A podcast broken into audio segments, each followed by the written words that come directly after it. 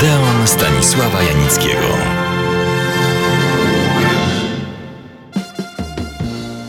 Kiedyś, dokładnie przed 15 laty, tuż po narodzinach naszego Odeonu, już o niej wspomniałem. Aż dziw, że tylko wspomniałem, wszak była jednym z największych i najbardziej kontrowersyjnych zjawisk dawnego, klasycznego, zdobywającego dopiero świat Hollywoodu.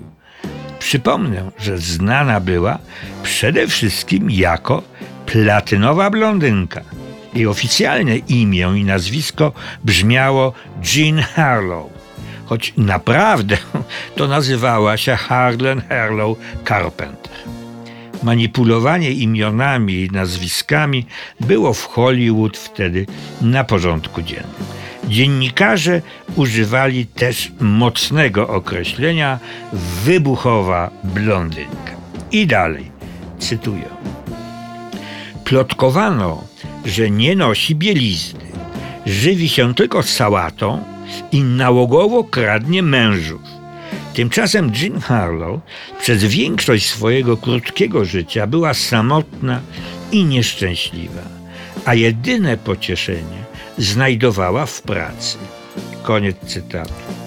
Przyznam, że w przypadku gwiazd hollywoodzkich, szczególnie tych dawnych, ich charakteru, zamiłowań, marzeń, trzeba być bardzo ostrożnym, bo prawda od fikcji różni się często dosyć radykalnie. To też konfrontuję zawsze wiadomości ze źródeł prasowych z wiarogodnymi encyklopediami. W tym przypadku Jean Harlow konfrontuję obszerny, bardzo interesujący artykuł w internecie pani Natalii Jeziorek z moim zdaniem najlepszą encyklopedią filmową The Macmillan International Film Encyclopedia w Efraima Kaca. Do rzeczy. Harlan Carpenter urodziła się w Kansas w roku 1911. Jej ojciec był dentystą. Nie wchodząc w szczegóły, rodzice byli ludźmi niezależnymi finansowo. To też pieniądze nie odgrywały większej roli. Rodzice się jednak rozwiedli. Obie strony stały się samodzielne. Opiekę nad córką sąd przekazał matce, a marzeniem matki była kariera hollywoodzka. To też obie znalazły się w fabryce snów. Niestety dla matki okazało się, że nie ma ona żadnych szans na jakąkolwiek karierę.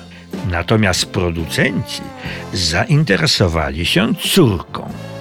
Nastąpiła zmiana nazwiska od tej pory na Jean Harlow. Tak na marginesie, mając 16 lat, nasza bohaterka wyszła za mąż za młodego biznesmena, ale ich małżeństwo szybko, bo po dwóch latach się rozpadło. Hollywood pochłonął młodą kandydatkę na gwiazdę. Jak zwykle zaczęło się od statystowania.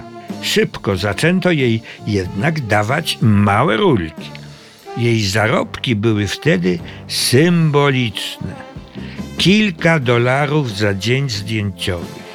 Ale dla niej nie miało to większego znaczenia, ponieważ pełne poparcie matki zapewniało jej byt. Praca ją zauważyła, ale początkowo oceniała negatywnie. Krytycy uznali jej grę za ubogą i prostacką, zaś zachowanie i seks za wulgarny. Publiczności, spragnionej nowego typu dziewczyny na ekranie, przypadła jednak do gustu.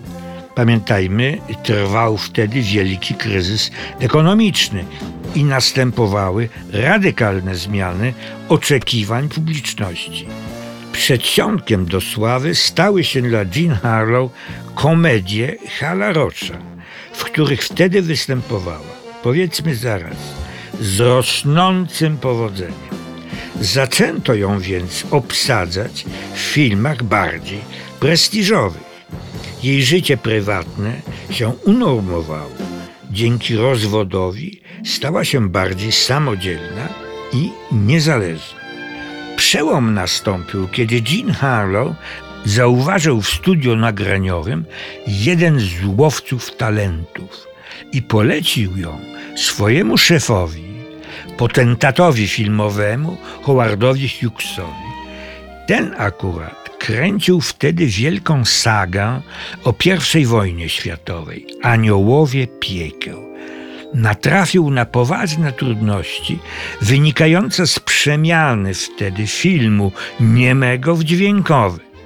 W głównej roli miała wystąpić szwedzka aktorka, której skandynawski akcent był jednak nie do przyjęcia, więc gwałtownie poszukiwano aktorki, która by mogła ją zastąpić.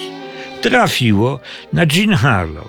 Musiała tylko rozjaśnić naturalny blond o kilka odcieni na jaśniejszą platynę. Krytycy nie zostawili jednak na jej grze suchej nitki.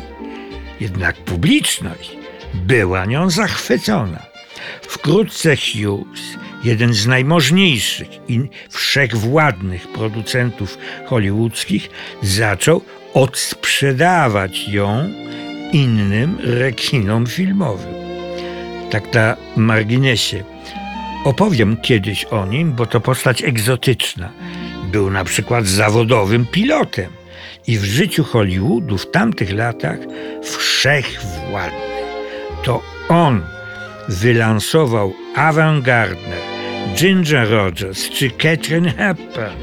Wkrótce gwiazdy hollywoodzkie pierwszej wielkości. A nasza, coraz popularniejsza i wielbiona przez miliony widzów, Jean Harlow. Ale o niej opowiem za tydzień. Oczywiście w Odeonie. Serdecznie zapraszam.